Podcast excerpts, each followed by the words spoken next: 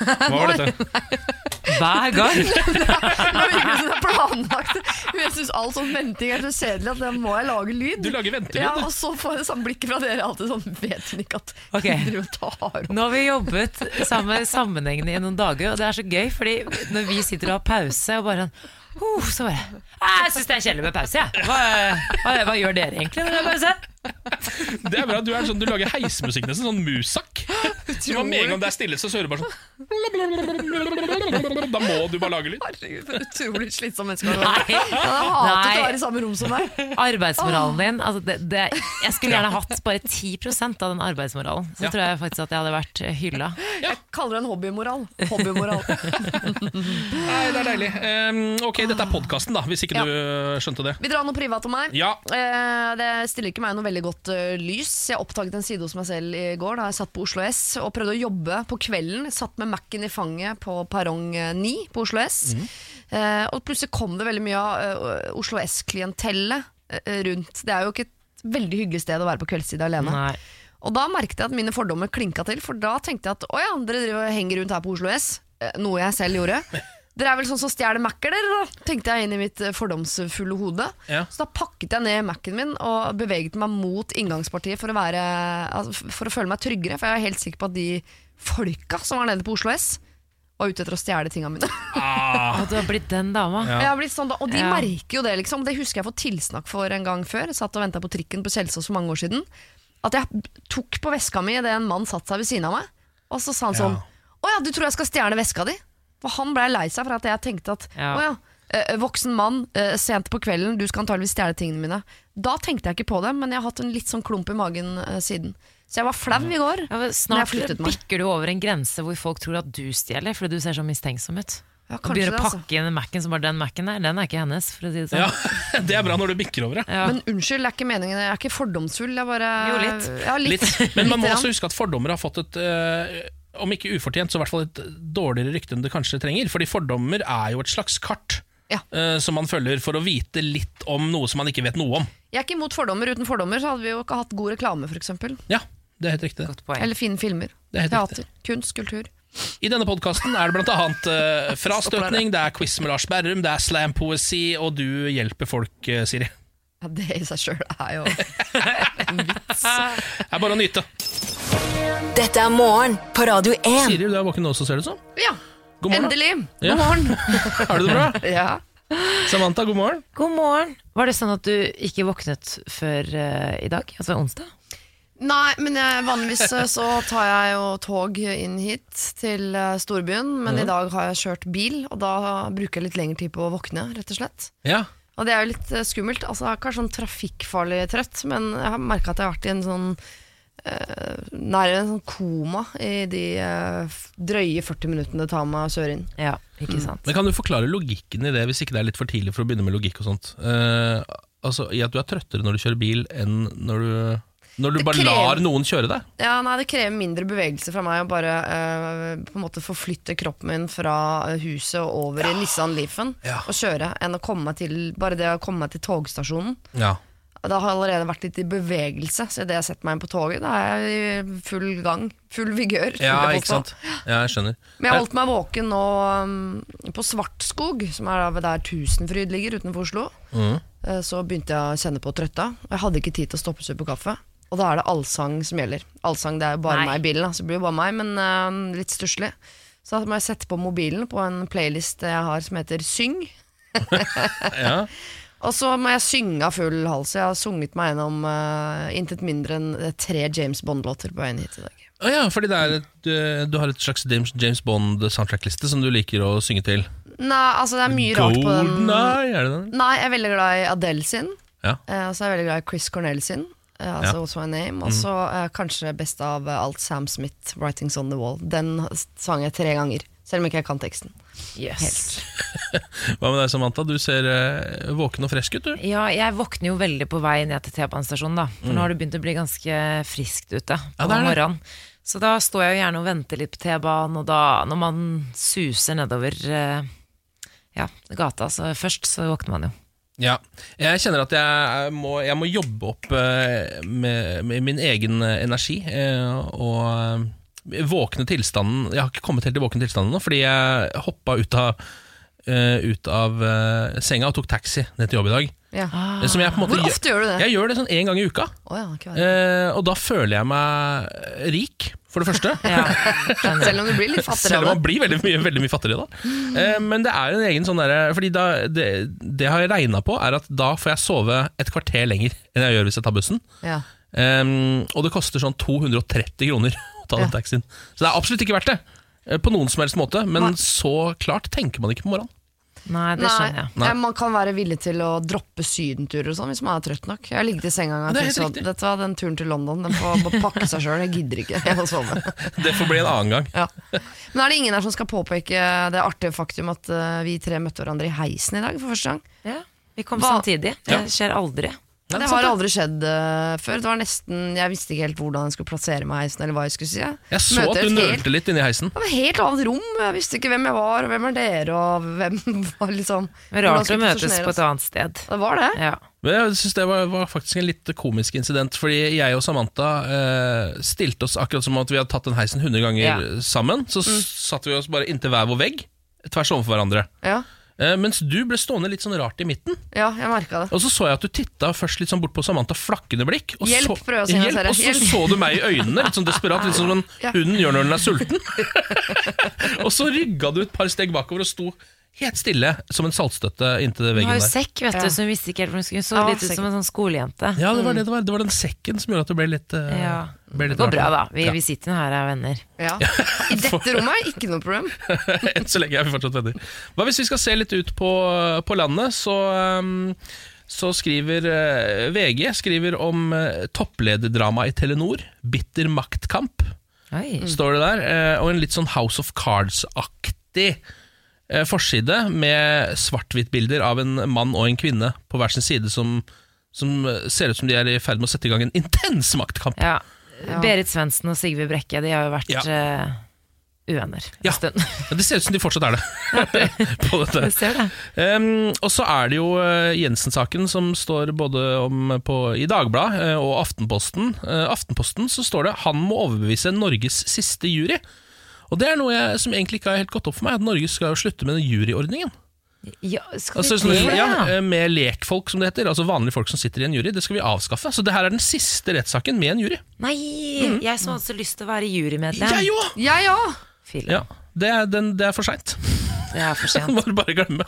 Du, jeg har eh, Adresseavisen foran meg her. Eh, Åpenhjertig Pål André Helland, Ja. som han, altså fotballspilleren. Som Han har blitt skada igjen. Eh, rett og slett sønderknust. Ja. Han, de Rosenborg vant over Strømsgodset, men eh, Pål André Helland han hinket av banen gråtende, faktisk. Ja. Han er ute i tre til fire uker nå, da, så han har slitt mye de siste årene med muskelskader og sånn, så man syns jo litt synd på han. Ellers så kan jeg melde om en liten gladnyhet for eh, Kristiansands studenter.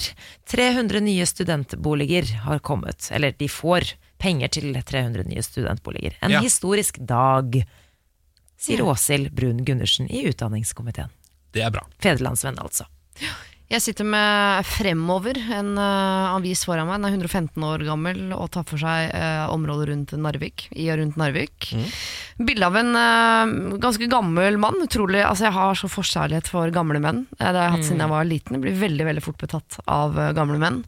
Han står der med sånn lav caps, hvis du skjønner hva jeg mener, og briller.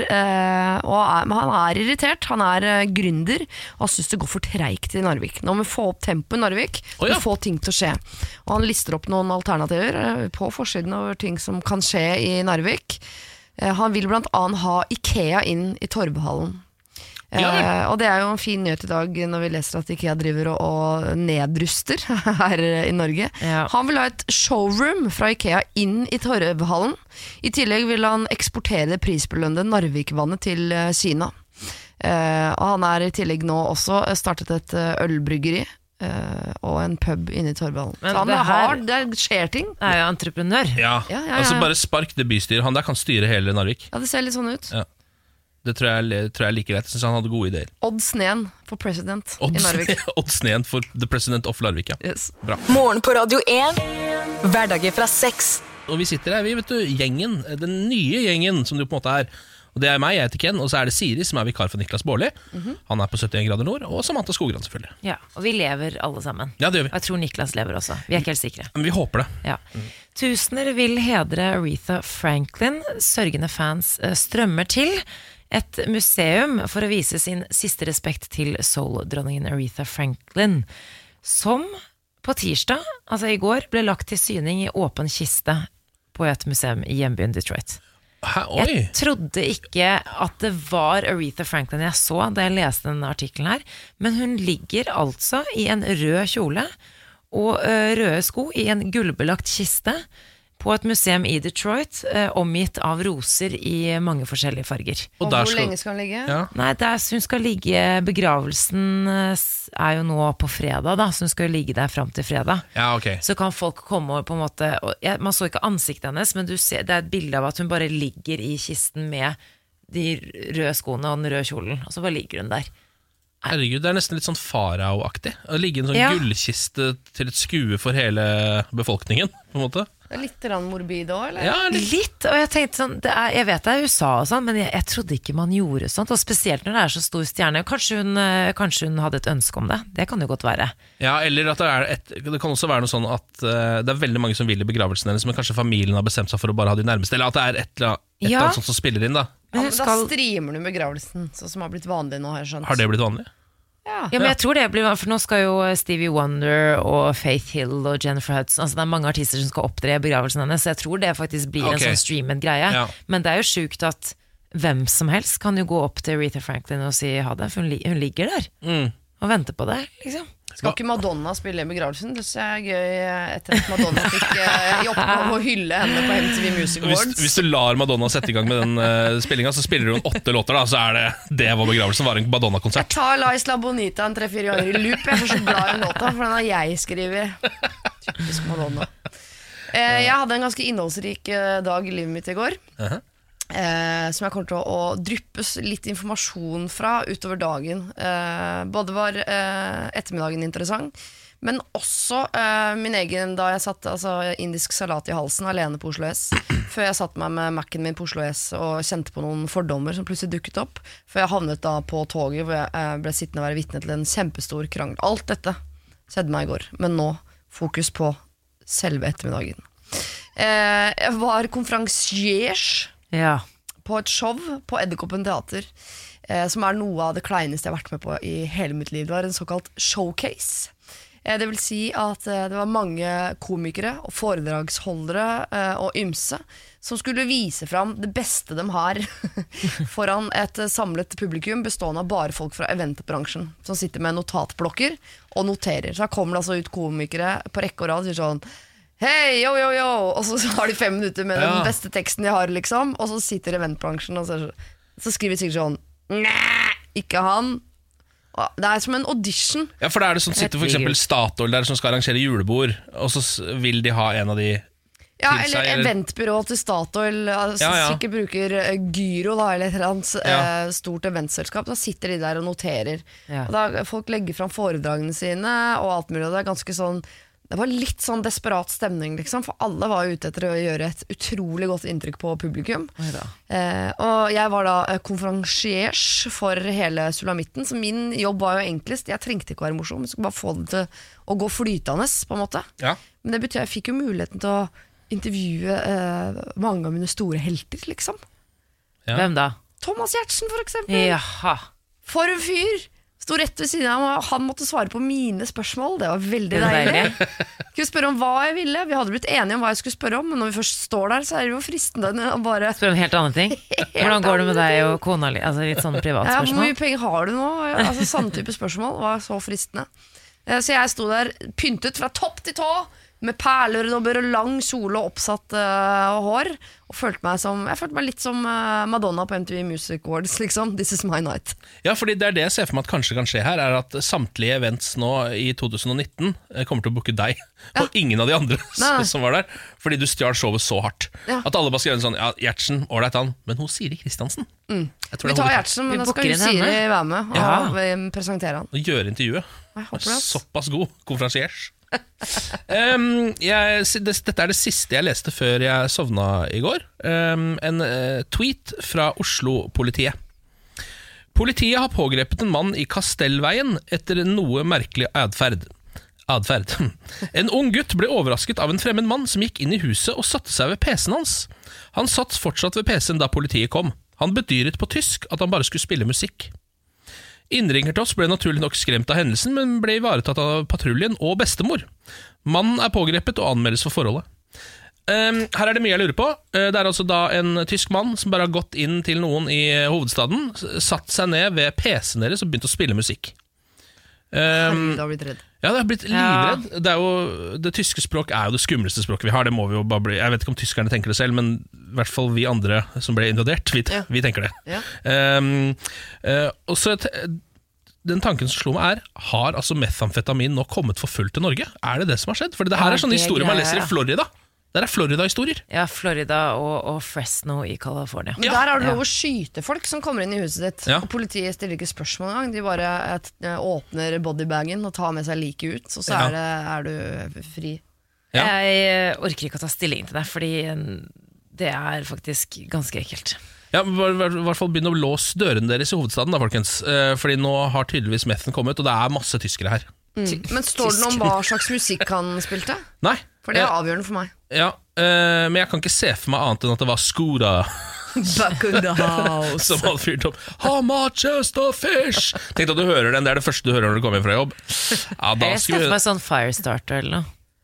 Ja, I'm a fire, ja, den ja, kanskje det er den er Prodigy. Den, ja, det ser jeg for meg. Prodigy. Da hadde jeg blitt livredd. Altså, da, ja, da må vi gjøre noe med våpenlovene våre, hvis det skal, hvis det skal være sånn at det sitter Ja. tyskere og spiller Firestarter når du kommer hjem fra jobb. Jeg tror det er vokalisten i E-Type ja, som har brytet seg inn.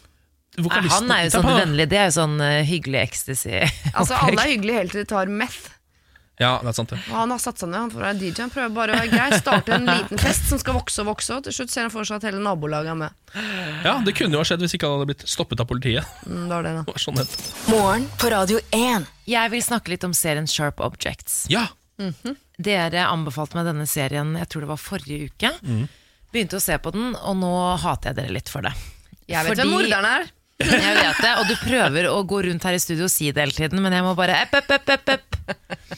Eh, og så har jeg så god hørsel også, så jeg, er sånn, jeg er så redd for at noen skal røpe det inn på dass eller noe. Uansett, eh, den er så skummel. ja. At, for det sa dere ikke. Dere sa at den var veldig veldig bra og litt, litt creepy, men dere sa ikke at den var drita skummel. Hadde et sånt voldsomt mareritt i natt. Hvor jeg, jeg beklager for de som ikke har sett den, men det behandler handler om Eller kan, kan ikke du si en liten Ja, det er jo en, eh, en eh, småby Det er klassisk sånn småbykrim, egentlig. Eh, hvor det er da noen små jenter som har blitt eh, drept. Eh, og så kommer det da en som pleide å bo i den byen fra før, som er journalist. Som kommer dit for å dekke disse mordene. Ja. Og så baller det seg på. Da, vet du. Så baller ja, og hun flytter da hjem igjen i, hjem til mammaen og stefaren. Og eh, denne villaen, da. Altså hun kommer jo fra en litt sånn rik familie i denne lille, lille byen. Og eh, man skjønner jo fort at det er noe gærent med hennes familie også. Det er noe sånn creepy greier, dukkehus og så videre. Ja. Eh, En stor Ja, altså hun bor jo hjemme hos mammaen sin mens hun er hjemme. Og den villaen der er også ganske creepy. En sånn svær villa med sånn type sånn sørstatshus. Ja. Med sånn derre Hvor med det er veranda rundt hele på utsida med Ja. tacoer. Har så lyst på. Ja. Ja, jeg syns det er så creepy. Også den der, I alle skrekkfilmer så har de sånne type hus. Eh, våknet Altså, jeg var klissvåt av svette midt på natta i natt. Eh, Drømte at jeg var i denne villaen, oppe i den der andre etasjen med sånn åpent eh, Oh, det er den skumleste Ja, etasjen. nettopp. Hvor jeg altså liksom i drømmen bare våkner, altså ikke våkner, jeg trodde jeg våknet, jeg trodde jeg var våken, men hun mammaen som står og puster meg i nakken, og det er så virkelig at jeg våkner og er helt hysterisk. Men hun er visst i Norge hysterisk. nå, hun Nei. Du må ikke si sånn! Altså, den er det, hun skuespilleren, hun spiller så bra, men det, er, det, men det, ble, det blir for mye for meg. Jeg, jeg takler det ikke. Jeg syns det er så ekkelt. Jeg tør, og nå er jeg liksom på nest siste episode eller noe. Ja, du, Oi, må, har du du, bincha? Ja, litt, jeg bincha litt i går. ja, du må få sett ferdig dette. Fordi det, altså, Jeg og Siri bobler jo over av spoilers, vi har så lyst til å spoile ting, vi. Jeg- Eh, ja. Akkurat nå. Og så mistenker jeg at jeg egentlig har skjønt det, men jeg, men jeg, jeg vet ikke. Men Nei. uansett, hvis du ikke har sett den serien, pass på at du har en venn eller noe, eller at du ikke får mareritt fort, fordi det der var Det ble litt for intenst for min del. Ja, jeg har faktisk eh, en regel for meg selv at jeg ikke ser den serien som det siste før jeg legger meg. Så jeg er så Ja, det var jo det jeg gjorde. Jeg skjønte jo Du må jo Ja, du må det se den på dagen. Det kan være en spoiler alert. Ja, Sånne ting ja, må du si. Ja. Du har jo masse tid eh, sånn, eh, Ja. fra du går herfra på jobb. Så se den eksempel heller klokka ett, istedenfor for å se den klokka Godt elleve. tips. Mm. Takk. Herregud, så skjøre dere er. Ja. Ja, men eh, det er Det er ikke alle film, som har liksom. like hard hud som deg, Siri. Helst skal jeg si, Jeg tror faktisk jeg skal kjøpe boka også, for jeg vil vite mer. I hvert fall om det forholdet mellom moren og stefaren. Jeg må vite mer det? Må de er skyldige. Nå må du, du Nei, jeg lurer, jeg bare lurer på på Jeg syns hele forholdet er spennende. Jeg, jeg trenger Ja. å vite mer om det. Okay. Men eh, nå skal jeg eh, fortelle dere om en eh, mann eh, som kanskje ikke er så kjent for oss, men i sitt hjemland er han en kjendis. Det er Nicolas Hulot. Han er miljøvernminister, eller var da, i eh, Frankrike. Han er en eh, folkesæraktivist og en kjendis. Så han er typen en, en fyr alle i Frankrike liksom vet bedre hvem er enn alle de andre ministerne. Eh, han mener at ingen tar miljøkampen på eh, alvor, verken regjeringen han er en del av, eller samfunnet for øvrig.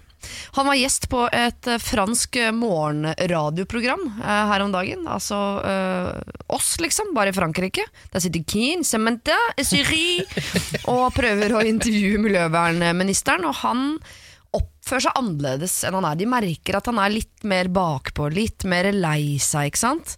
Men de prøver å intervjue han så godt, han, uh, så godt de kan, og plutselig på et eller annet uh, tidspunkt uh, så sier altså miljøvernministeren Jeg har tatt mitt livs vanskeligste beslutning.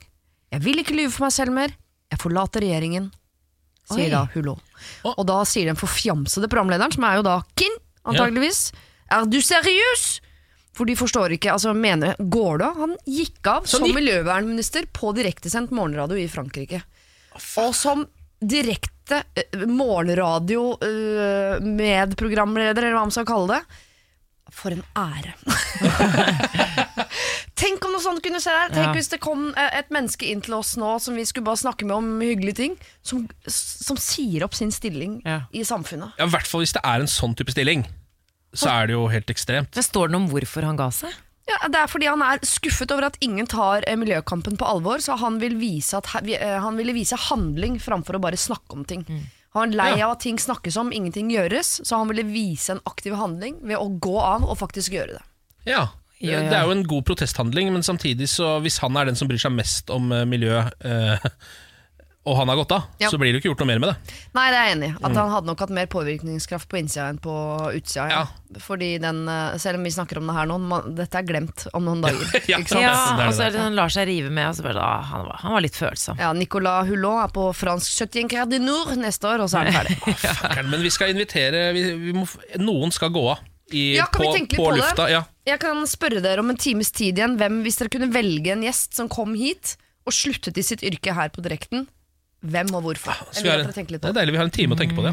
Det liker jeg. Jeg vet, men ok. Em, I går så snubla jeg over et eh, såkalt meme som jeg likte veldig godt. Det involverer Donald Trump. Ja. Eh, Donald Trump har eh, hatt kameraene eh, på besøk i Det hvite hus mens han skulle ringe til den meksikanske presidenten Enrique Peña Nieto. Em, og han vil da gjøre dette på høyttaler, altså på såkalt speakerphone.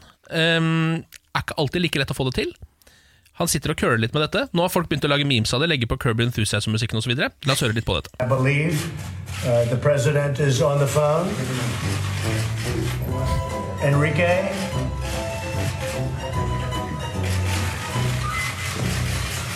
Her sitter han og køler noe voldsomt. Altså han sitter og trykker og holder på, får det ikke til. Yeah, you can hook him up. Tell me when. Han prøver å holde et ganske kjølig fjes, men eh, du ser at han er desperat. Big thing. It's a big thing. Waiting.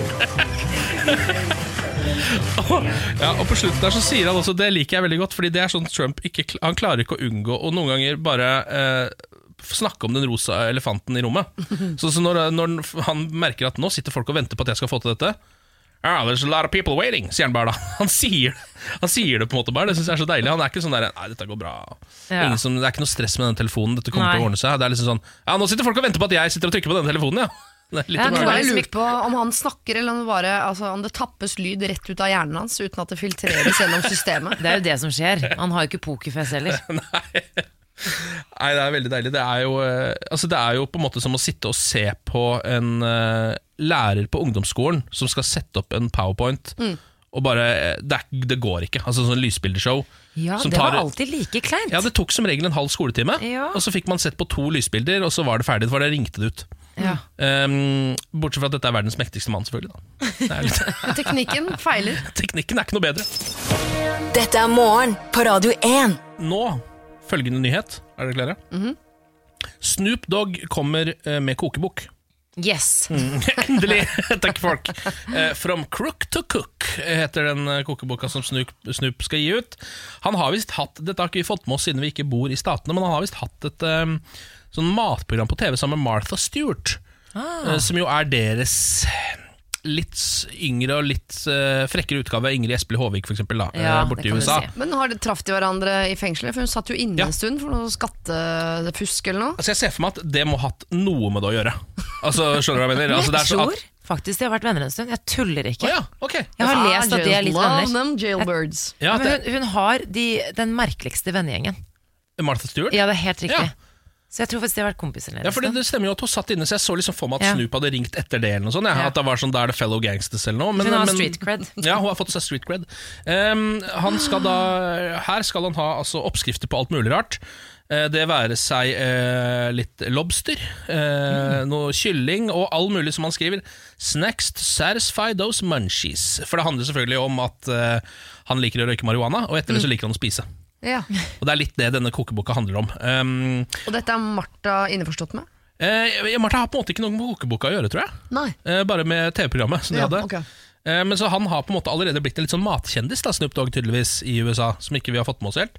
Eh, han sier altså at han understreker at samtlige oppskrifter er eh, eh, cannabisfrie. Eh, Som i glutenfri, på en måte. Ja, ja. Men han mener at det kan være litt ålreit å ta litt før du begynner å spise det. Ja. Eh, og så her er hans eh, statement. Skal jeg lese den opp? Jeg må ta den på engelsk, for det går ikke an å oversette det Snoop Dogg sier. You know, it's blazing up my kitchen. I'm taking the cookbook game high with a dip and whip collection of my favorite recipes, you dig? I dig. I dig Snoop. Snoop, we dig. Ja. Herregud, for en Jeg gleder meg skikkelig, men den, den vil jeg ha. Ja, jeg, jeg, kjenner til at jeg, jul. vil- jeg vil egentlig ha alt Snoop gir ut, jeg, uansett om det er musikk, bøker, eh, kokebøker eller klær, så vil jeg ha det. Ja.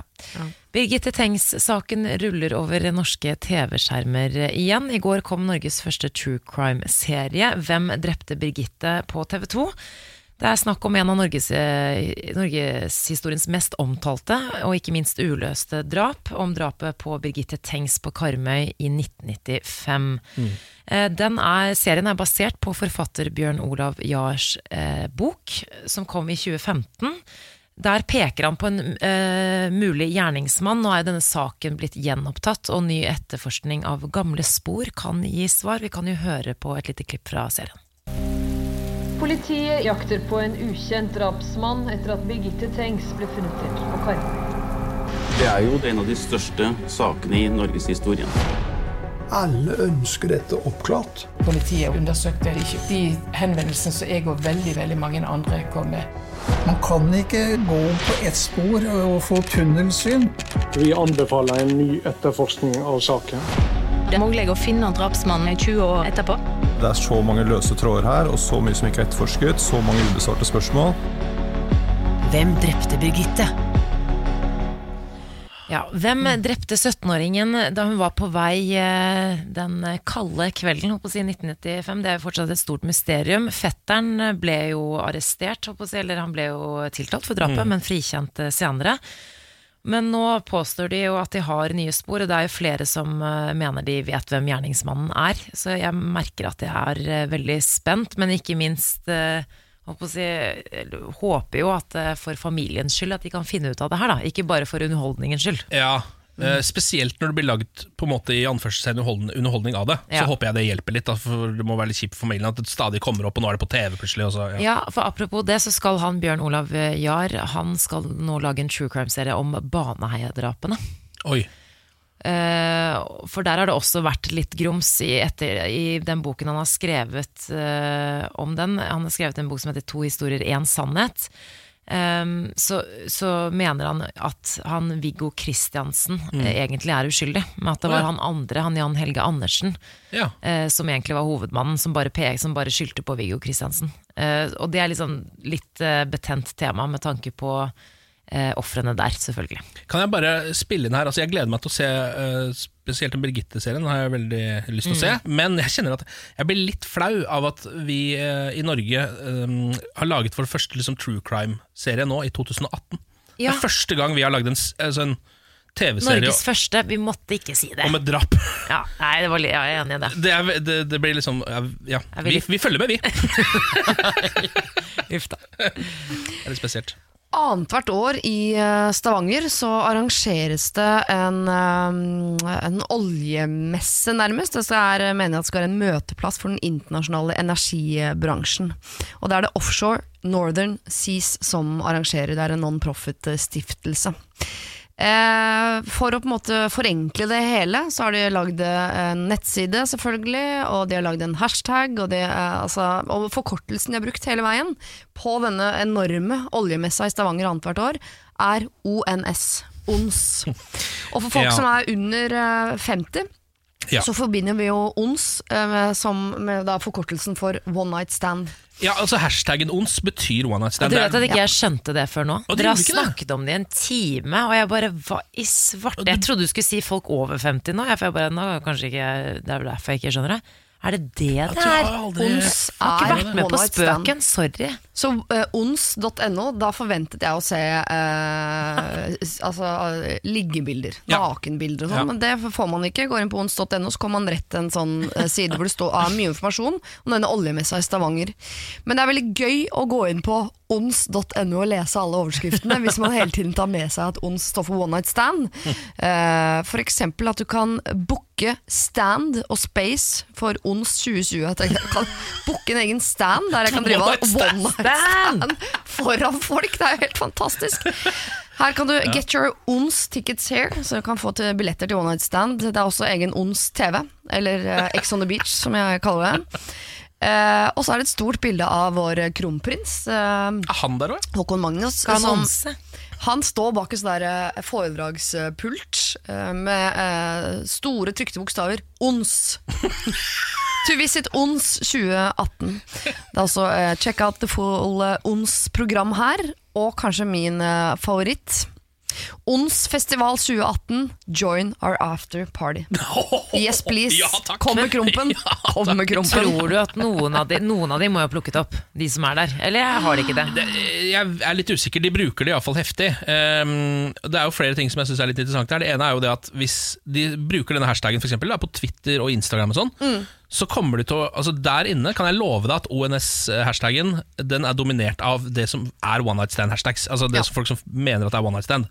Så der blir det blir en blanding av masse nakenhet og plutselig bilde av Krompen, Ja. Uh, som er veldig komisk. Jeg melder meg på, jeg. Kom her. Ja, Men jeg tipper at de var ute med forkortelsen før One Night Stand kom. Men det er også gøy å gå på Wikipedia og skrive ONS, for da står det ONS er en forkortelse som har flere betydninger. Jeg bare, ja, Så lo jeg litt i skjegget mitt. Men det er jo da to betydninger. Offshore Northern Seas og Office for National Statistic. Det var det jeg trodde det var. Det var det jeg trodde det var. Det siste der. Mm. Dette er morgen på Radio 1. Eh, jeg har nå begynt å sverge til eh, det, det de kaller for middelhavskosthold. Ja vel. Ja, Ja. altså Fedon Lindberg eh, det har vi, Det er vel mer fetaost. Ja, Anti-Fedon Lindberg. ja, vel- an- ja, jeg tror ikke det har noe med Fedon Lindberg å gjøre. det hele tatt Han hadde jeg for, for øvrig glemt. Det var interessant at du dro han fram igjen. Er han fortsatt i vinden? Kostholdseksperten Fedon Lindberg? Vinden vil jeg ikke si at han er i. Er rim, eller lett bris. For dette var en mann i det eh, 2000-tallet akkurat hadde startet. Mm. Så var han den mest omtalte mannen i hele verden fordi han hadde funnet opp et nytt kosthold. Ja. Eh, hva var det det gikk ut på igjen? Ikke spis middelhavsmat, Ja. var Ja. hans råd, da. Så det var litt dumt, for det, det var dette jeg tenkte jeg skulle lufte med dere, nemlig. Eh, hele denne uka så har jeg bare spist pasta. Mm, Eh, eh, I går så eh, lagde jeg meg en ravioli. Mm. eh, og lagde en sånn salviesmør. Altså sånn, så tok salvie, putta det oppi noe, noe meierismør og brukte, lagde en liten saus av det. Ja. Heller ikke spesielt sunt i seg selv. Eh, og så er masse parmesan selvfølgelig oppå dette. Um, og så må man jo, når man sitter og dunker innpå altså sånn, Du kan ta deg én ravioli, og så kjenner du ah, Fankeren, jeg må jo ha et glass rødvin til dette. Hvis ikke så funker det jo ikke, rett og slett. Altså, da, eller da, da ta, du kan ikke sitte og drikke Fun Light Cola til det greiene der. Liksom. Eller Urge. Eller Urge, for den saks skyld. Selv om jeg elsker Urge, syns det nesten funker til alt. Og så har det jo vært sånn, eh, så lenge jeg kan huske, at man har sagt at uh, man får mindre hjerte- og karsykdommer av dette kostholdet. Altså middelhavskostholdet. Jaha. Ja, for det, ja, du, stusser, du stusser med en gang her. Ken, hva er det du har lest? Ja, ja, jeg lurer på om du tenker at man, får min, at man slapper av hvis man drar til Middelhavet. Jeg tror du blander. Jeg, bl- jeg blander, ja. Rødvin er bra for hjertet. Men, ja, men har, Ja. har dere aldri hørt at middelhavskosthold er, bedre, er bra for hjerte- og karsykdommer? At ravioli Nei. rydder opp i hjerteregionen, aldri hørt om. Nei, det har jeg faktisk ikke Men hørt om. Ken, Ken. Jeg fortell historien din, da. Kom Nei, igjen. men, men altså, det, Historien min er ikke noe lenger enn det. det eneste, jeg, for jeg, det, jeg lurer på hva dere altså sånn, Jeg Jeg lurer lurer på om dette er sunt eller ikke. Jeg lurer på om du skal gå ganske hardt bort fra det middelhavskostholdet Ja, igjen. men det her, men vi må ikke tenke da- at karbohydrater er fienden. Fordi karbohydrater er bra for deg, Ken, hvis du, hvis du rører mye på deg. Å ja, du putter det oppi gryta? Da er karbo bra for kroppen. Ja. Ja, men, men jeg ville ikke stappa i meg masse fett og masse karbo eh, dersom man eh, A. ikke rører på seg, og B. man burde ha noe grønt til. Ja, ja, noe grønt. Eller proteiner, Ja, du synes ikke altså, salvie holder ikke som grønt? Uh... Nei, dessverre. Hva med den soppen som var oppi raviolien? Ja, det er kjempebra. Det var ikke noe Men den er vel, veldig smørstekt, da, eller? Eh, soppen? Ja. Ja, det tror jeg nok, ja. ja. Rødvin er bra for hjertet, Ken. Fortsett med det, men du, ikke, du kan ikke bare spise pasta. Nei, nei, jeg, jeg skjønner at utelukkende pasta ikke funker, Um, sånn på sikt, da. Ja. Men jeg syns også at det burde være no, altså, um, Det må komme klarere plakater for dette her. For nå går jeg for inn på uh, Nå er jeg inne på det store medisinske leksikon. Ja. Vil dere tro at de vet hva de snakker om? Ja. Der står det middelhavskosthold. Um, bla, bla, bla. Serveres mindre porsjoner av kjøtt, fisk, egg og ost til måltidene. Ja. Kaldpresset olje fra oliven, ble, ble, ble. Du hadde ingen av de tingene. Brød eller pasta. Uh, et slikt kosthold er forbundet med mindre forekomst av hjerte- og karsykdommer. Ja, men, men Ken, du har tatt én bitte liten ting som egentlig skal bare være en liten sånn side note til alle de første ingrediensene du tok, og så har du bare spist det. Er det det jeg har gjort? Ja, ja, du har bare spist pasta. Du hørte du ikke alt det han sa først? Eller det, det sto Ja, Vegetabilske friske råvarer, er det du tenker på? Ja, og jeg tenker på kjøtt og alle de Men det var ikke noe kjøtt i dette? Nei, Nei, men det er det du skal ha. Og så skal Nei, du ha raviolien du skal ha det. Å ja. Mindre pasta Du og har mer kjøtt. Ja. virkelig misforstått. Ja. Herregud. Nei, dette må gjøres lettere. Ja. Mer oversiktlig. Det er som å gå inn på McDonald's og si 'jeg skal ha all pommes fritesen dere har', og så eh, nappe ut en sylteagurk av en av burgerne. Den legger jeg på toppen. Takk for bildet. Tusen takk for bildet. Eh, jeg spiste indisk eh, i går, på vei hjem fra arbeid i går kveld. Jeg satt jeg alene på en indisk-pakistansk kafé, nærmest, på Oslo S. hvor jeg satt altså salat i halsen. Indisk salat i hals. Eh, og som dro seg. Det var sånn eh, Jeg vet ikke om det var ruccola eller om det var bladsalat eller et eller annet som lå liksom ved siden av eh, Jeg bestiller alltid chicken spinach, for det ser så godt. Chicken spinach. Og da er det en liten sånn salat på siden med en sånn yoghurtdressing på. Oppi der er det litt sånn forskjellig salat. Ja, jeg tror det var en ruccola som eh, først Den ene ruccolaen forsvant ned i halsen og klabba det til der. Eh, og den andre ruccolaen klarte altså på finurlig vis å dra seg eh, ned i halsen, men finne veien opp i nesa. Så jeg hadde en ruccola som lå sånn, eh, ikke foran i nesa, som Å, jeg så men sånn bak i nesa. Så du får ikke tak i den verken fra neseside eller fra halsside, men ligger bak der og irriterer. Du må egentlig harke. Ja, samtidig som du har en i halsen som gjør at du hoster og harker. Og det eneste jeg har å skylde ned med, er eh, Coca-Cola Zero fra glassflaske. Utrolig vondt. Eh, og jeg sitter alene, og dette er ikke noe sånn gjemt inne bak. Det er, liksom, det er midt på Oslo S. Det er masse folk rundt hele tiden. Og jeg sitter sikkert og ser dritsliten ut, mista veska mi på gulvet og var en ubrukelig menneske. Og sitter alene og spiser, som jeg jo egentlig er ganske komfortabel med. Ja, Det syns jeg ikke folk må stresse noe med. Nei, det er ikke Jeg noe reagerer stress. aldri hvis jeg ser noen sitter og spiser alene. Nei, egentlig føler jeg meg litt sånn on top of things. Liksom. Ja. Jeg har ikke, det er ikke noe problem for meg å sitte og spise alene.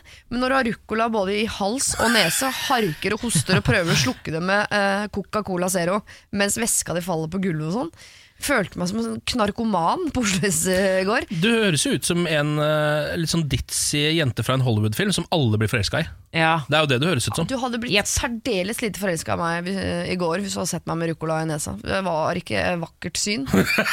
Hva skjedde med ruccolaen, da? Jeg, jeg fikk harket den ned til slutt. Så det jeg, fikk, eh, jeg, Du spiste svel, jeg svelget unna noe ruccola som hadde vært innom neseregionen. Ja. Jeg skal innrømme det. Hva Ja. kunne ikke tatt den ut. Nei, Det blir for flaut. Det hadde sett dummere ut å ta den ut enn det gjør å ta den ned, ja. Ja. Det tror jeg nok. Ah, så hvis noen så meg på Oslo S i går Jeg beklager, jeg hadde ikke tatt narkotika. Jeg var bare Du må tygge, tygge Siri. Tygg. Morgen på Radio 1. Hverdager fra sex. Hver eneste søndag her på Radio 1 så uh, har jeg et program som heter Siri og de gode hjelperne. Det er da meg, og så er det to gode hjelpere. eh, to kjente fjes, kjente stemmer. eh, som rett og slett eh, hjelper meg å hjelpe de som sender inn problemene sine til meg. Mm. og så hender det da at jeg tar med noen av disse problemene hit til dere, for at dere skal få muligheten til å hjelpe folk. Mm. det er samme innboksen jeg tar alle problemene fra, sirialfakrøllradio1.no. Eh, og her har jeg tatt med et problem fra en som kaller seg for Camilla. Og hun skriver Hei, jeg jobber i et mellomstort firma innen telekombransjen.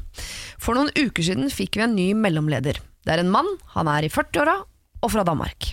Veldig hyggelig fyr, han er godt likt og sosial og utadvendt type.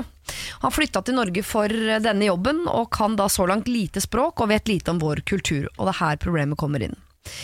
Han bruker komplimentet 'du er deilig'. Det er visst vanlig i Danmark. Skal jeg fortelle han at i vår kultur blir det litt rart? Eller skal jeg la han eh, holde på den delen av sin danske kultur her hos oss? Ja, det er deilig. Ja. Det sier han stadig da antagelig til eh, jenter og gutter på kontoret. Jeg har på en måte Utgangspunktet mitt er at danskene egentlig alltid har rett. Mhm. Jeg syns alltid de gjør ting bedre enn oss, uh, på et eller annet vis. Um, og mer fornuftig og mer uh, eh, de, altså de, er, de er mer livsnyttere da enn det vi er, klarer å få til her i Norge. Mm. Men akkurat i dette tilfellet så må jeg innrømme at jeg hadde reagert litt sjæl hvis mellomlederen min hadde sagt til meg hver dag at jeg var deilig. Jeg synes Ja. det er et eller annet litt rart med det. Selv om du skjønner at det kanskje ikke er intensjonen. Nei, men så vet du jo heller ikke hva som er intensjonen, for jeg vet ikke hva det danske deilig egentlig betyr. det heller heller men da, da man, ja, Kanskje man bare skal ta det opp med han bare og gjøre det til en artig greie, på en måte hvis det, hvis det plager en.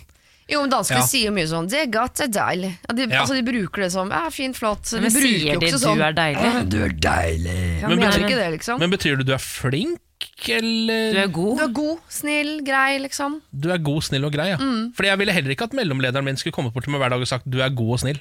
Nei. Det ville jeg heller ikke. Å nei, liksom generelt Nei, bare. nei. Skjønner. Jeg vil liksom høre sånn du er dyktig, uh, vil jeg høre. Mm. Um, du, og så kan jeg godt få noe sånn utadvendt og alle de klassikerne. Ja. Men sånn eh, du er god og snill, det har liksom ikke noe med saken å gjøre. Man kunne jo skrevet en anonym lapp eller en, eh, et eller annet sånt. Noe, Da. Skrevet bare sånn 'vennlig tips', 'deilig' betyr eh, noe helt annet her. Ja. Ikke bruk det ordet, 'du er kul', eller et eller annet tilbake. Ja. Men jeg, hadde kanskje da fått litt dårlig samvittighet, Fordi han, hva hvis han egentlig ikke mener noe med det? Og så f- Ja. blir han veldig flau og, og lei seg. Men er ikke det Altså språkforvirring er jo den søteste måten å altså sånn, Dumme seg ut på. Seg ut på. Ja. Er det ikke det, da? Jo. Tror, altså, alle skjønner jo at han ikke er et dårlig menneske, liksom. Mm. Ja, eller kanskje ikke alle gjør det. da Det er jo fint å få stoppa det før det er noen i bedriften som, eh, som heiser metoo-flagget, liksom, helt uten grunn. da Ja.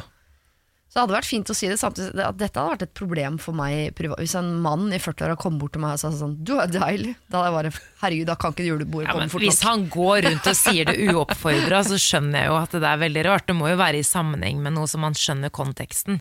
Ja. Sånn det her dokumentet her, å herregud, det var bra, du er deilig. Den skjønner jeg jo.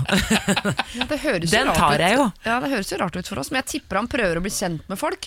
Gå litt rundt, prøver å gi eh, positive tilbakemeldinger. Og et, eh, en av de tingene han sier da, er eh, 'du er deilig'. Ja, det er Ja, godt. ja. Du er deilig. Jeg ser for meg han fyren i Klovn. Ja, det er, det, det er jo det Ja. alle vi nordmenn gjør, tror jeg. Veldig mange av oss, i hvert fall. Jeg syns vi skal ha litt, eh, altså være litt greie. Jeg har jo en mor som snakker engelsk. Mm. Hun snakker norsk også, men hun foretrekker da selvfølgelig engelsk. Og hun sier jo, hun sier jo feil eh, støtt og You're stadig. men- fuckable, går Ja. rundt og sier til alle. Nei, da tror jeg du har eh, lov til å reagere. You're so hot! Sier Men, sa eh, første moren din sa til meg, faktisk. Ja, ja det skjønner jeg jo. You're hat. men jeg, Det syns jeg skal være lov. ja. Ja. Men, ja, men jeg, ville, jeg tror jeg ville tatt glimt i øyetrikset. Jeg har kanskje også liksom sagt ifra på en litt sånn Ja. uh, måte. måte. uh, og da, litt, da blir du litt barmhjertig samaritan òg, fordi du tar den framtidige metoo-kampen hans ved rota. Ja. Mm. Men si det, jeg er helt enig, men ta det med sånn dansk glimt i øyet på det. Så ikke, Ja. ikke sett deg ned og ha sånn alvorlig samtale, men gå bort til denne mannen og bare eh, Og le litt. Si sånn «Haha, Er det ikke gøy med språk og kultur? Ja. Og, og så tar du det uh, ved rota, på en måte. At deilig i Norge, det er som om du skulle sagt eh, kne eller fise. Kne eller fise, ja. Ja, eller, men ikke, ja, ikke si Jeg vet ikke, du er deilig betyr oh you're fuckable. Da tror jeg han blir skremt av norsk kultur, at vi tror at vi er fuckable. Ja, sånn, ja. Ikke Ja, skrem Men hva skal, vi, hva, hva skal vi oversette Ja, det du- til, da? Det er kan som om jeg skulle sagt uh, Du er sexy, da. Ja, ja. Ja. Du er sexy er jo og, og den, ja det, ja, det er en bra Det er en god oversettelse, for det er jo på en måte en sånn Det betyr jo um, Jeg syns du kan være litt attraktiv. Ja. Betyr det jo. Jeg vil ha deg. Jeg vil ha deg. Ja, jo. Overdriv litt, sånn at det blir litt kleint for han. Og så er han der evig takknemlig. Ja. Lønnsforhøyelse kommer til å gå som en lek. Ja, Lykke for han var leder, han var mellomleder. Mellomleder. Ah, vær forsiktig. Ja, ja. ja men det, det tror vi hadde den, ja. Ja, hvis du har uh, problemer du som hører på, så send det inn til meg. da Sier alfakrøll radio1.no, så tar vi altså, eh, disse problemene bare i uh, Altså mange av de Ja. på søndag fra klokka to. Morgen på Radio 1. Hvor vi nå ehm, skal i gang med noe som er veldig viktig. Finn fram penn og papir, for hvis du eh, vil holde deg utenom eh, det som på en måte er og ev- evolusjonen er lagt opp til, altså at du skal eh, finne deg en partner, livsledsager som det heter, få barn og videreføre menneskeheten. Det er ikke, eh, hvis det, dette er noe du ikke vil eh, være med på, så må du følge med nå, fordi jeg er jo frastøtningsartist. Jeg kan jo alle disse triksene. Ikke sant? Jeg har holdt meg singel i ja, det, det begynner å bli nærme seg evigheter. Mm. Det er ingen som er like gode på dette som meg. Jeg kan alle triksene i boka. Er dere klare eller, for et nytt frastøtningskurs? Ja. Yes. Hele veien fra Moss i Østfold. Ta han vel imot. Frastøtningsartist Ken Vasenius Nilsen! Takk for det, takk for det. Det er så deilig å se at det er pakket hus i dag òg. Det betyr penger i min lomme. Og jeg trenger dem, jeg trenger dem. Eh, I dag så skal vi altså lære om eh, sengekantsfrastøtning. Oi. Det er da på en måte Man kan kalle det den aller siste livbøya innen frastøtning, egentlig. Eh, la oss si, altså Sett deg i denne situasjonen. Du har kjørt 30-minuttersregelen. Du har gønna på med fotometoden. Du og wingmanen din har kjørt ulike stirreteknikker. Du har til og med rigga leiligheten din med frastøtende objekter, akkurat som du har lært av meg. Altså Du har sjekkebøker og Nesti-flasker med eh, morrapiss i kjøleskapet, f.eks. Du har gjort alt riktig. Allikevel så befinner du deg nå på soverommet ditt med en halvnaken kvinne. Du er i en helt desperat situasjon. Hvordan skal du komme deg ut av dette? Heldigvis så kan du stole på at eh, kvinnen på et eller annet tidspunkt kommer til å nøle. Sannsynligvis idet du begynner å nærme deg eh, trusekanten, eh, så er det 90 sjanse, vil jeg nesten si, dette har jeg forska på, eh, for at du kommer til å stoppe deg og si eh, bare, bare vent litt. Der har du muligheten din. Ja. Det er dette som er din mulighet. Sjekkeartistene, altså våre nemesiser, eh, de som har lest The Game eller Pornopung, de vil jo i denne situasjonen ha kjørt på med noe som de kaller for freeze out, altså nedkjøling. I det øyeblikket de da hører at kvinnen begynner å nøle, når de begynner å nærme seg eh, trusa veldig ofte, så vil de bare eh, helt rolig eh, gå og sette seg et par meter unna på en stol, dra fram en bok eller lignende, smile harmonisk til kvinnen og si Nei, 'null stress, det er helt det, ja, ja, ja, jeg bare jeg slapper av her borte'. Så sier hun 'hva er det du gjør nå, hva, hva er det du holder på med?' Så sier hun sånn 'nei, men altså, kroppen min er litt sånn enten av eller på', det er ikke så behagelig når det er et sted midt imellom, men det er ikke noe stress dette her, jeg bare, bare, du bare fremstår totalt ubitter og begynner bare å gjøre noe helt annet. Til slutt så vil jo da kvinnen gå bort til deg og initiere coitus. ja, for hun vil heller ha deg på enn av. Ja, sannsynligvis. Eh, og det er jo, den nølinga er jo ikke nødvendigvis fordi hun ikke vil, det er bare fordi hun ikke er helt, helt 100 sikker. Eh, men altså selv en ødelagt klokke eh, viser jo rett tid én eller to ganger i døgnet, avhengig om den er digital eller analog. Uh, altså dette her, uh, dette her er ikke noe kunst. Nei. Det er jo ikke det. Altså det å la ehm, Det å få en mann til å følge sin penis mot en kvinnes vagina, og tidvis få henne til å godkjenne det, det er ikke noe kunst. Kunsten er å være en av dem som bidrar til å på en måte ehm, fortette hele evolusjonens kloakkrør, sånn som jeg gjør. Eh, jeg har hatt stor suksess med flere rutiner når det kommer til sengekantsfrastøpning, men den kanskje kvasseste metoden min er sinnataggen, og det er den vi skal høre om nå. Ved trusenøling så tramper jeg hardt i gulvet, knytter nevene, og så igangsetter jeg ekstrem sutring. Nei! Urettferdig! Er du naken på det tidspunktet? Det har ikke noe å si. Nei, ok. Jeg kan gjerne være det. det jeg tror det er mer Ja, jeg tror det kan funke. tror kanskje effekten er bedre hvis jeg er naken. Jeg, jeg er naken på dette tidspunktet. Jeg tror jeg er naken Eh, Så kanskje altså, sin- Nei, hvorfor det? Dårlig gjort. Feigt! Feigt, sier jeg. Ja. Eh, så kanskje jeg til og med tar opp telefonen og ringer og sladrer til mamma. Hun vil ikke ligge med meg. Slem! Slem, sier jeg. Kan jeg anbefale også å sutte litt grann på tommelen? Som trøst? Ja. Ja. Hvis man da klarer, så lenge man klarer å levere det verbale, så gjør det ikke noe. Det er en liten tommelsutt. Det kan være- Du er ganske god på dette, er du, Siri. Ja, det. Um, det burde gjøre susen å kjøre Sinnetagen, men uh, en annen ganske bra teknikk som du kan kjøre hvis du ikke får, liksom, får helt dreisen på Sinnetagen, det er den enøyde lama. vil, dere, vil dere høre om den? Ja, jeg, er, Egentlig ikke. Jeg syns det er litt frastøtning i den uh, fortellingen. Er du sikker på at du Ja. Vi hører litt om den Ja, enøyde litt, bare hva, hva selve ja, ja. rutinen går ut på. Da Eh, Da gjør man litt av det samme som sjekkeartistene gjør. Altså Ved trusenøling så trekker du deg et par meter unna, eh, setter seg i en stol, og så begynner du rett og slett bare å onanere som om din siste time er kommet. ja.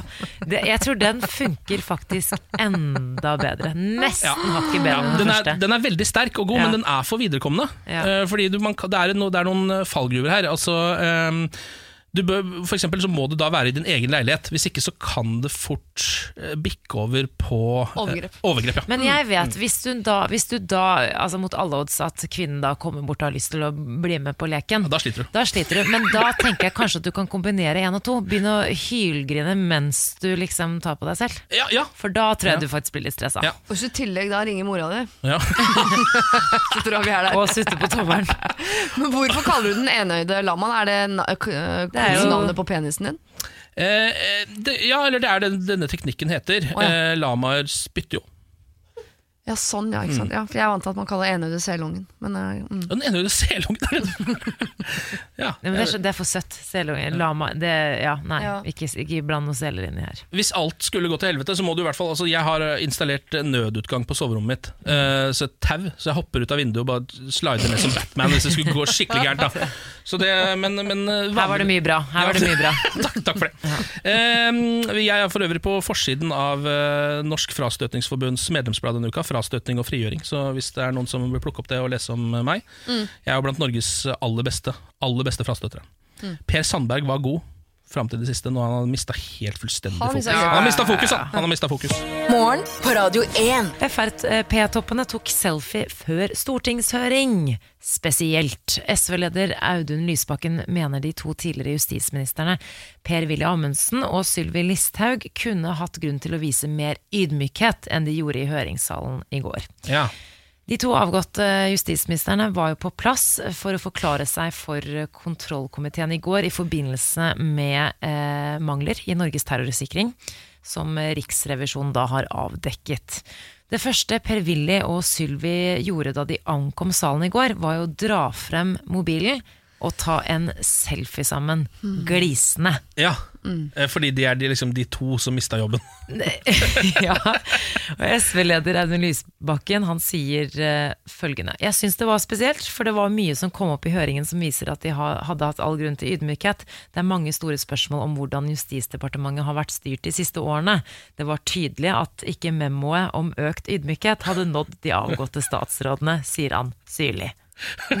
Men Sto det også i, i Riksrevisjonens memo? på en måte? At det, det kan godt være litt mer ydmyk også, siden dere ikke gjør jobben deres så godt? Nei, uh, jeg vet ikke om det sto det, eller om Audun Lysbakken er litt funny. Ah, han er litt funny, ja. ja. Men, eh, Ydmykhet, hva er det? sier Sylvi Listhaug i en kommentar. Ja, nettopp. Um, på en måte så blir jeg sånn Ja, men det, det går bra. Om, vil, om Sylvi og Per-Willy Sylvi og Per-Willy. Det er dørskilt. Ja. Om, de, om de har lyst til å gjøre det, så bare la det nå være, da. De har, altså, om de har gjort noe feil, så kommer jo det frem uansett. Jeg, jeg Ja. syns nesten Audun Lysbakken fremstår litt sutrete her. Ja. Selv om jeg, de, de ser jo helt idiotiske ut der de sitter, med den telefonen, og de, altså, de gliser mens de sitter i den salen. Det er veldig morsomt.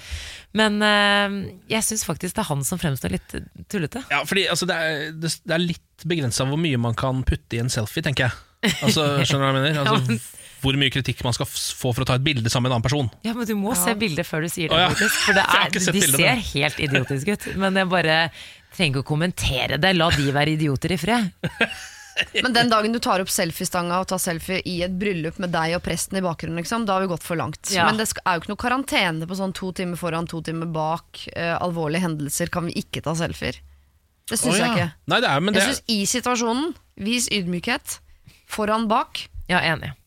Enig med deg. Be yourself. ja, det synes jeg det, det, er, det er gode retningslinjer for selfie, som du la opp der, eh, Siri. Nettvett heter det. Nettvett. Nå eh, skal vi over til eh, bladet. Stjørdals Blad, som det kaltes, eh, ble, ble kalt før. Som jo dekker Stjørdal, Stjørdal, som ligger i Nord-Trøndelag. Eh, denne avisa følger vi gjennom hele denne uka i Morgen på Radio 1, Aviser det Norge. Vi har vært innom saker som sjekka en koffert på Værnes som inneholdt en kanne gjenbrent. Det viste seg også at gjenbrent var litt på vei ut i Nord-Trøndelag følge politiet, men ikke følge lokalbefolkningen i Nord-Trøndelag. Nei, Sivert eh, fra Stjørdal Han eh, sendte oss melding i går og sa det er ikke ut. Nei. Det fins fortsatt. Det er fortsatt gode forekomster med gjenbrent mm. i området der. Vi har også, også vært innom eh, saken biler og mopeder tullekjørte på parkeringstaket. Hvor vi ikke var helt sikre på hva tullekjøring var, men det var ikke bra i hvert fall. Kan de ha drukket hjemmebrent? Spør jeg i en kommentar. Kanskje. Nå eh, skal vi eh, ha en ordentlig suksesshistorie her. Mange flere kunder enn beregnet skapte kork i drive-throughen. Ja, Det høres ikke så bra ut, men så kommer det. Burger King måtte ansette flere. Bare kjedens restaurant på Oslo S er større enn Burger King i Stjørdal. Mm. Det har gått over all forventning, sier daglig leder Thomas Hammeren. Er bra navn. Bak ham i restauranten stekes det burgere for harde livet.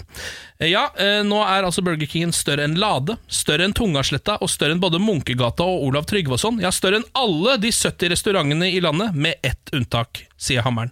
Og det er da altså den på Oslo S som er større. Han har ansatt åtte nye folk, oppi 36 folk som jobber på Burger Kingen hans nå, eh, og det er fortsatt såpass travelt at alle ansatte jobber fulltid, sier han. Vi har solgt over 10 000 menyer i juli måned, og det var over 6200 biler gjennom drive-thruen. Halvparten av kundene skulle ha bacon på burgerne, sier han. Viktig, Ja, det- viktig detalj. Men det er jo en ålreite tall, fordi uh, Burger King-burgerne har vel ikke alltid bacon, så det er liksom noe man da noen ganger må spørre om. tydeligvis. Add-on, liksom. Ja. Mm. Eh, han sier også at 600 bare foretrakk fullkorns, fullkornsbrød. Mhm. Det er tydeligvis ikke så veldig populært. Og så spør da journalisten hvor mange bestilte vegetar. Det ble kjøpt 900 menyer med vegetar. Oi. Det er mye, sier han, og det er jeg litt enig i. Eh, Så vegetar er, altså sånn, det er jo nesten 10% Ja. Altså, I mine øyne er det her en komplett eh, lokalavisartikkel. Ja. Fordi det er veldig mange Altså det er veldig mye interessant i, altså, Interessante detaljer. Det er bra reklame for Stjørdal. Ja. Eh, og så er- vitner det også om eh, god business ved at han har ansatt flere. Det er fulltidsjobber. Altså, jeg, bare, jeg hyller den artikkelen her. Ja, jeg er en av de enig. bedre jeg har lest. Ja. Og jeg får Eh, lyst på Burger King, ikke minst. Ja, det er kanskje Ja, det er kanskje den, det sterkeste effekten ved, denne, ved denne saken. Skal vi allerede bare her og nå fastslå at neste seminar vi skal ha, legger vi til Stjørdal. Ja. Eh, og så drar vi innom eh, drive-inen til Burger. Ja, Innom Norges nest største Burger King. Kan jeg ta med en liten melding på tampen? Ja. Jeg fikk nemlig en, vi, har, vi har fått en melding fra Mathias som eh, Du nevnte jo det her med tullekjøring. Mm. Det regnes nok som bakhjulskjøring. Ja, dra på bakhjulet, ja. Ja. Det er det som er tullekjøring. Takk, Mathias. Jeg skjønner. På Tusen takk, bakhjul i Mathias. bakrus. Dette er morgen på Radio 1. Du hører på Morgen på Radio 1 med Ken, med Siri og med Samantha. Og nå også med den høye slampen fra Bærums Verk i Bærum, Lars Bærum. Hei, hei. Hvordan går det rundt bordet? Får jeg applaus? Ja. det var halvhjerta. Ja, men det er det du fortjener. Ja, jeg fortjener ikke mer? Ja, ikke akkurat nå. Nei, det er som, det er som å ha standup, det der. Alltid halvhjerta applauser fra publikum. Eh, Men hvordan går det rundt bordet her, da? Jeg syns jo det går strålende, jeg. Ja. Ja, jeg har det kjempefint, jeg. Og Siri? Halvhjerta. Halvhjerta. Da syns jeg vi skal quize litt, jeg. Ja. La oss gjøre det. Lars Bærums morgenquiz. Det er tre spørsmål, alle skal besvares riktig. Jeg gjentar riktig, og alle svarene får dere helt til slutt. Og vi har rota oss opp i det kjente quizlagnavnhjørnet. Der vi hele tida må ha et quizlagnavn, for det blir ikke ekte quiz uten at det er et quizlagnavn. Og hva er dagens quizlag? Har, dere- har dere noe, eller? Jeg har et. Nei. Skal jeg komme med det? Ja, ok. Jeg har 99 Problems, but a quiz ain't one.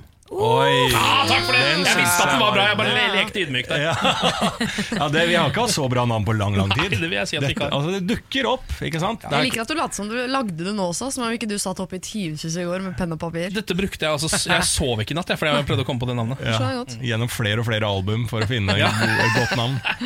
Ja, men Det er fint. Eh, Det er jo Jeg vil jo si at det er høst nå. Ja, så jeg har lagd en liten quiz basert på at det er høst. Er dere klare for det? Høstquiz, ja. Ja, Hvor mye kan dere egentlig om høsten? Ja, for det er jo nå høst, og snart kommer høstferien. Men hvorfor begynte vi egentlig med høstferie i Norge? Ja, for at vi skulle hjelpe til på gårdene med å sanke poteter. Ja, altså høste. Det er jo derfor man, alle barna måtte til gården til besteforeldrene sine og hjelpe til å høste poteter. Jeg tror det er riktig. Ja, Når da, cirka? Ja, Men er det Det spurte du ikke om. Nei, nei, men nå er bare Nå Å ja. Fyller jeg på bare litt. samtale rundt det. er det ekstrapoeng? Hvis ikke så gidder jeg ikke svare. Eh, eh, ja, da er det ekstrapoeng. Jeg veit ikke. Det er helt umulig å si, da! Det er jo ikke helt umulig å si. Jo, hvis, det, hvis det var for å gjøre de tingene der, så må man jo tenke et Jeg synes det er så flaut å gjette på sånn, for jeg kan gjette med flere hundre år feil. Altså sånn, det må ha vært på 1700-tallet. Sånn Men hadde de ferie 19... Ja, nei. Ja. Nei, Begynnelsen av 1800-tallet, da. Begynnelsen av 1800-tallet? Mm. Jeg vet ikke. Nei, nei men da, da går vi videre til spørsmål nummer to. Ja. Ja. Eh, hvor kommer da poteten opprinnelig fra? Å, jeg tror potet er riktig. Hvis ikke så hadde ikke det vært ord. da. der. Ah, Ok, hvor kommer kommer poteten fra? Ja. Um, dette må jo Polen. være Jeg tror det er Mellom-Amerika. Polen? Hva sa han nå? Hva sa han? Er ikke det klassisk sånn kolonitid at de tok med seg det fra noen av de koloniene? da? Ja, jeg, jeg vet ikke hvorfor jeg tenker Mellom-Amerika. Jeg bare gjør det. Ja. Ja. Colombia. Jeg syns ikke Mellom-Amerika er så dumt. Altså. Colombia. Er det et land, eller er det et, en region? Ja, jeg kan si eh, region, da. Ja, Skal vi prøve Mellom-Amerika, eller siden det kom så Eller? Sør-Amerika, kanskje. Det er større region. Det er ja, er større sjanse for å tar Sør-Amerika, ikke Mm, Mellom-Amerika. Sør-Amerika, ja. Mm. Mm. Ja, og det, jeg bare kom på nå at det er veldig Eller er mye det fra Kina? Ja, for det er veldig mye som kommer fra Kina og India. Ja. Er det ikke det? Er det var ikke fra det der- Asia? Jeg tror poteten er fra ris. Asia. Ja, Tror du ikke det? Hadde ikke det vært litt typisk, da? At den er fra Kina? Ja, men er ikke det Eller liksom Polen, da. Eller har vi gått regionen fra Polen. Ok, skal, Jeg tror egentlig at den kommer fra Asia, men Siri, du er så gira at jeg nesten har lyst til å stole på deg. Og så er det litt deilig når noen kaster seg foran bussen og bare kommer med et svar. Så kan vi disse deg etterpå. Ja, jeg tror Asia er riktig. Ja, det er gøy hvis det er Asia, for alle forbinder det med ris. Og så har, er det har de som fant opp poteten. Det er jo gøy, da. Men, Ja. um, Nei, men det er jeg jo syns vi skal gå for. Sør-Amerika, ja. Eller Amerika, skal, kan vi si regionen Amerika? Eh, det for vidt? dere kan si hva dere vil. Oh, ja. Oi, da var det, det hørtes ikke riktig ut. Nei, vi kan si hva vi vil, ja. Sør-Amerika. Ja, ok. Jeg trenger et svar nå. Ja, Ja, ja, ja. Sør-Amerika. Ja. Der kom poteten fra, ifølge bordet. Ja. Ja, ok, Da går vi til spørs... Hva sa du? Var det Polen igjen? jeg, tenkte Nei. Vil du tilbake til Polen? Nei, nei. da går vi på spørsmål nummer tre. Hvor mange sesonger eh, ikke sant? Fordi at nå kommer jo høsten. ikke sant? Og Da begynner jo folk å se på Netflix og den type ting, så her kommer et spørsmål relatert til det. Eh, Hvor mange sesonger av Game of Thrones er ute? Ja, som er ute nå. Det er vel sju, for den åttende kommer nå. Nå kommer. Ja, Åttende avsluttende kommer. Ja, syv. Syv? Ok, da går vi og får alle svarene.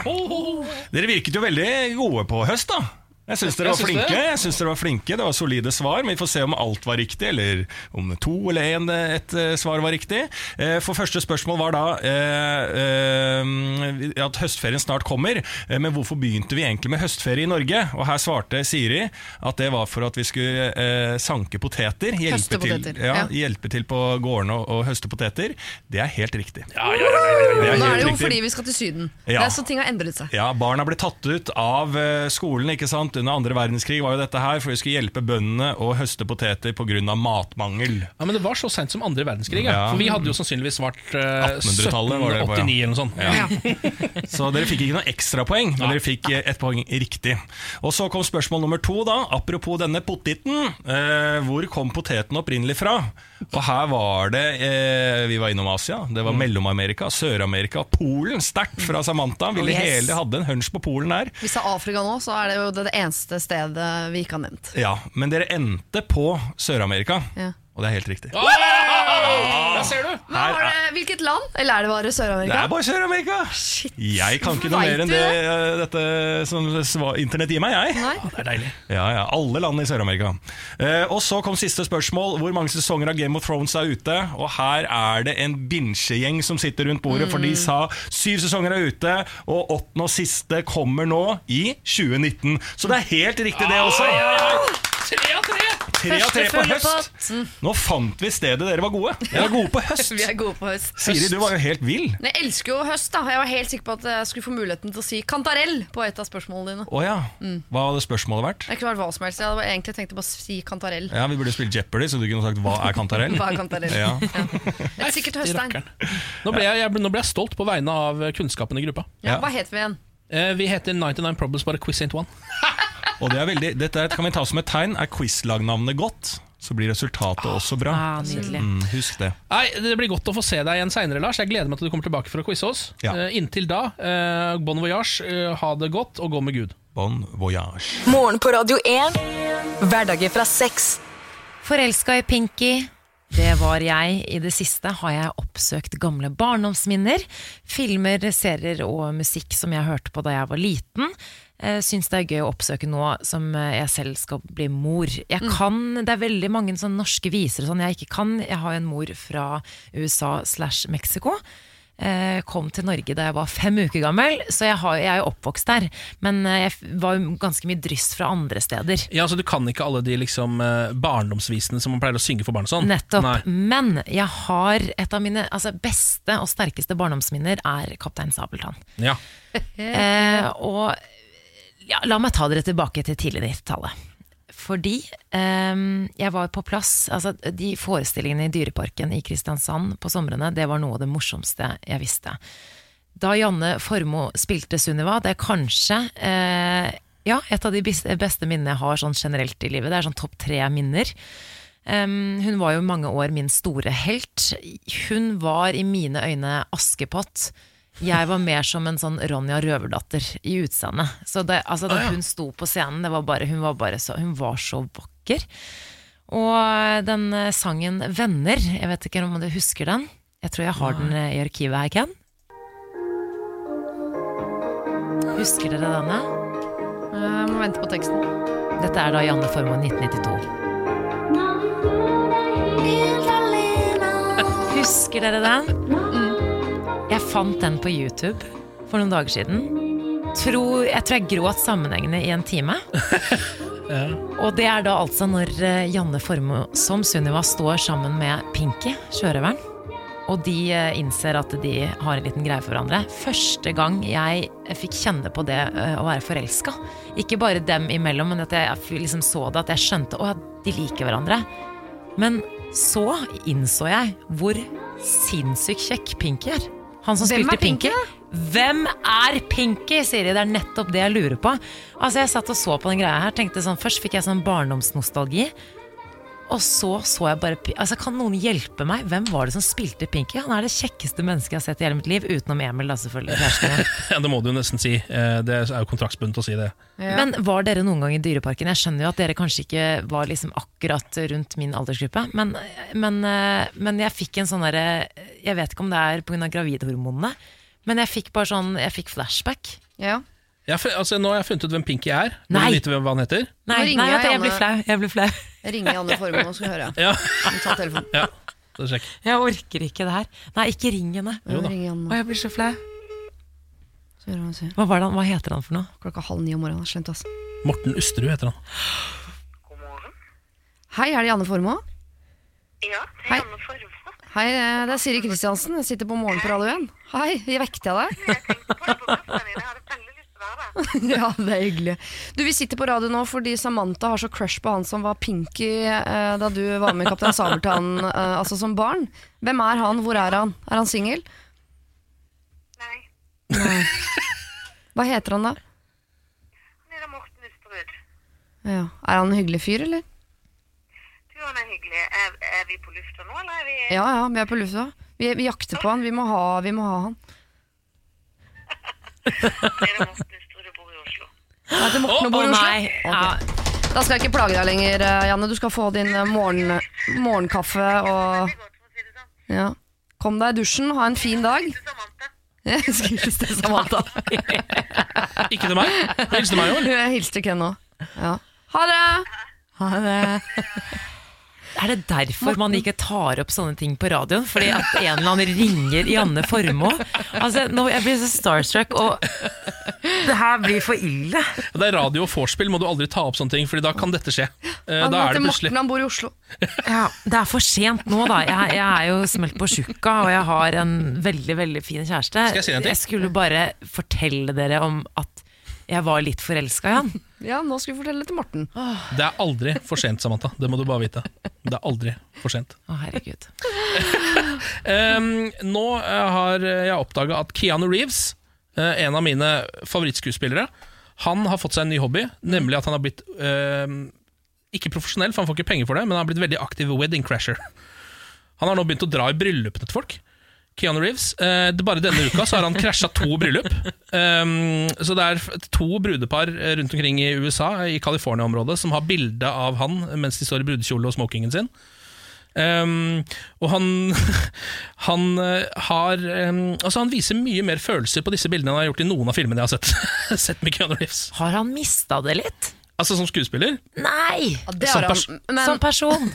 Eh, jeg er litt usikker, for jeg, dette her må jeg innrømme at jeg liker meget godt. Oh, ja. eh, det er litt sånn Bill Murray er jo kjent for dette. Mm. At Å ja. han pleier å um, Pleier å uh, gi litt til folket. Altså at han for eksempel, så er det jo en sånn historie med han at han har gått bort til en person på Burger King Mm. eller McDonald's, Mm. og så har han bare tatt én pommes frites.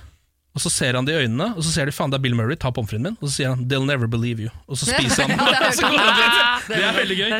Og det er litt sånn som Det virker som Keanu Reeves er på vei litt den veien. Ja. Eh, Bill Murray har jo også tror jeg, tatt oppvaska eh, på et studentnachspiel i Trondheim. Plutselig så er han der, og så står han bare og tar oppvaska, og så går han bare igjen.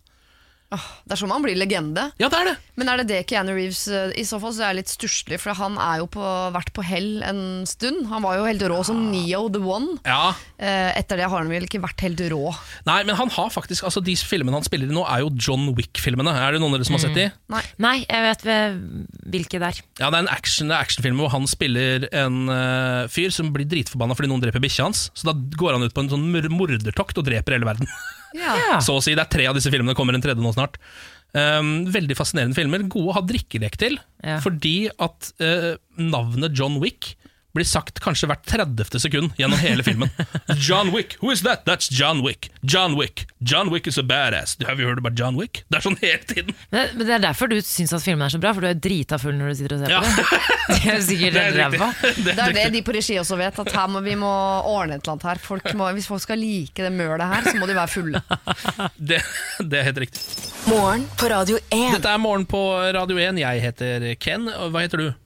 Siri heter jeg. Hva heter du? da? Samantha. Og Hva jeg heter? Ja. Jeg heter Lars. Lars Berrum heter du. Ja, det er det, og hele fulle navnet, ja. Ja. Lars Lars- Fernando Berrum. Lars Fernando Berrum, en av eh, verdens aller kvasseste slampoeter. Og det er jo derfor du er her også. Ja, Er du klar, eller? selvfølgelig. Slampoesi. Jo, Niklas. Nei! Nå blir det slampoesi. Eh, og Lars, hva er temaet for slampoesien din denne uka? Det har jo selvfølgelig en tittel, og tittelen er 'Hva skjer med TV-en?' Dette her kan bli satirisk. Eh, Fest setebeltet, folkens. Hva skjer med TV-en? Staysman skal inn i fredagsunderholdningen til NRK. X on the Beach og Love Island, hva blir det neste nå? Jo, ny sesong Paradise, bloggerne, Skal vi danse og Farmen-kjendis. Det er dette Norge skal underholdes på. Vår egen Bårli i 71 grader nord. Min mor ser på 71 grader nord. Bårli som naturens sønn. Han kommer til å falle ned i første brønn. Nei, Bårli, du skal få min bønn. Hva var det? Yeah, Jo, et stønn! Han ene i Ex on the Beach knuller igjen. Det er ikke sex, bare litt inn og ut, litt sprut, men det var ikke sex. Jeg lurer på hva han en gang i fremtiden skal si til sin sønn.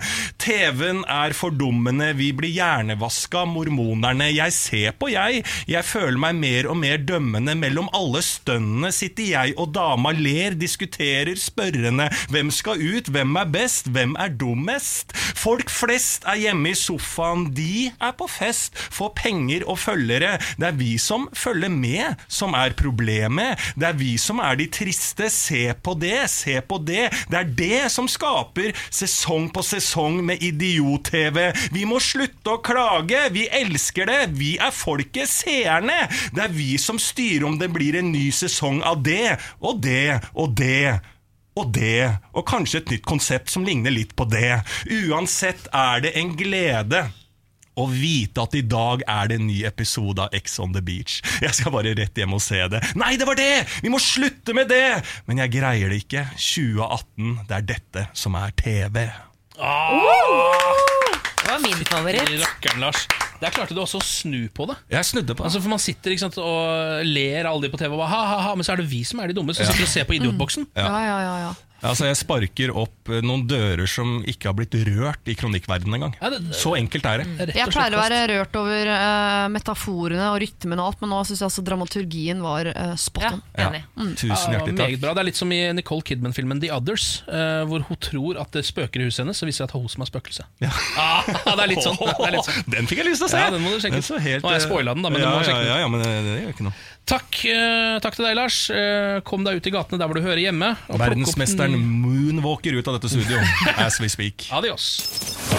Dette er morgen på Radio 1. Vi sitter her, vi. Ken, Samantha og Siri, som er vikar for Niklas Baarli, som er på 71 grader nord. Og så er jo Pernille også kommet på jobb. Velkommen. God morgen. Har du det bra? Jeg har det bra. Jeg Så føler, at denne, nei, jeg føler at denne uken her har vært eh, litt trått begge dagene. Og i dag så kjørte tre busser forbi meg før eh, jeg kom på. Det var jo ikke en super superstart. Nei, For det var fulle, da, sikkert. Å ja. ja.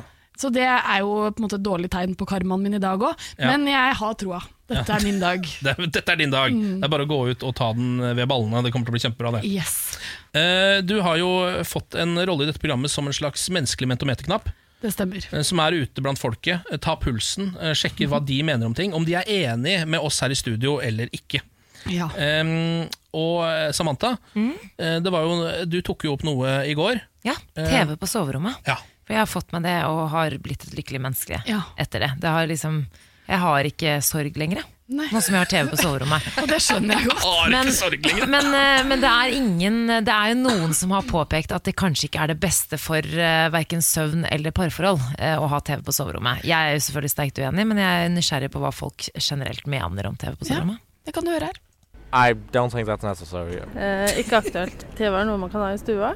Man må ha det. Nei. Ja, det syns jeg er greit. Altså, det er veldig greit å bare sitte og sitte i sofaen og chille, liksom. Eller i senga. Jeg har ikke TV, ja, men eh, det er sikkert digg å ligge og se på det. Men eh, det går sikkert utover søvnen, da. Du sovner sikkert ikke fortere. Eh, hvis du har to, så ville den andre stått på soverommet. Men eh, generelt så er ikke det kjempelurt, tror jeg. Jeg tror ikke jeg hadde sovet så mye. TV på soverommet? Nei, det syns jeg ikke noe om. fordi at eh, når jeg er på soverommet, så closer jeg øynene og ser opp i roofen, som sa.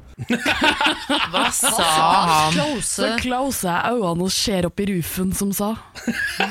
Jeg skjønte det ikke helt, men jeg syntes det var veldig gøy, så derfor måtte det med. Eh, så det, det, det som eh, overrasket meg litt, var at ingen på en måte trakk noen konklusjoner om parforholdet. Da. Nei, det var Eh, søvn. Det var bare søvn folk Mm. bryr seg om, og det er jo greit. Det går fint, for jeg ser ikke på nattestid. Jeg er jo en ja, jeg, jeg ser Morgenfugl? På, ja, morgenfugl. Jeg ser jo på TV på, på dagtid, da. Men altså For folk med litt søvnproblemer Så kan jo også det være med å lulle deg i søvn. I hvert fall jeg har ganske gode erfaringer med det. Mm. Eh, Å ha på et eller annet i bakgrunnen som lager litt lyd, så jeg ikke føler at jeg sitter og krampeprøver å sove. Ja, men De sier at kvaliteten på søvnen blir veldig mye dårligere. Ja, det blir den sikkert. Du blir litt forstyrra hele tiden. Så Hvis ikke jeg får plutselig- sove, så går jeg ut i stua og legger meg på sofaen og ser på TV, og da sovner jeg. Og så kryper jeg meg tilbake til soverommet. Klarer du Ja. å krype deg tilbake, altså? Da vil jeg bli bært, og det er ikke så mange som klarer. Alle vil egentlig bli bært, da. Eh, Det er bare veldig få som har muligheten til det. Mm.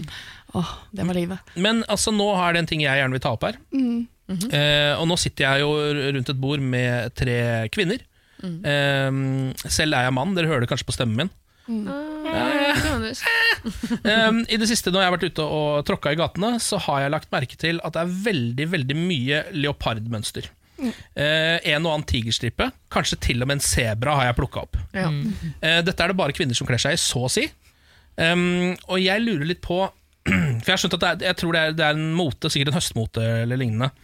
Uh, jeg, jeg får sånn Golden Girls-vibber, jeg. Oh. Altså, jeg, jeg syns, jeg syns Og du liksom, syns det er litt eh, gammelt? jeg syns leopardmønster er for ganske rike Botox-tryner over 70. Kan jeg, få, ja, kan jeg få lov til å skyte inn her med min uh, mening? Mm. Eh, fordi at uh, leopardbukser, og, eller sånn hvis vi sier leopard, da, eller dyreprint generelt, jeg syns ikke det kler blonde mennesker.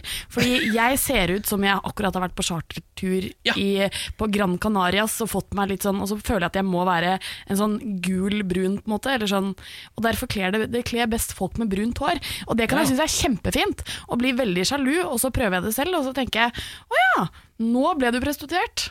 Det Ja, er på ja, ja, måte ja, ja. Mm, det er litt en blanding av Golden Girls og Red Light District. Um, det, og som Jeg syns ikke den kombinasjonen er så heldig, men jeg ser jo på ansiktene til de kvinnene som går ut med at de er dritfornøyd med det plagget. Men sånn Altså, er det veldig ofte. Jeg- Av og til så føler jeg at det er veldig mange plagg som venninnene mine bare Wow, nå er du smashing. Og jeg vil bare Hva faen er det du Ja. har på deg? Ja. Og, det, og det Ikke for å på en måte nå, La oss ikke ta opp kjønnsroller og stereotyp osv., men jeg føler ofte at det er litt sånn at jenter går med ting som andre jenter syns er fint. Altså, vi men gutter bare Hæ? ja.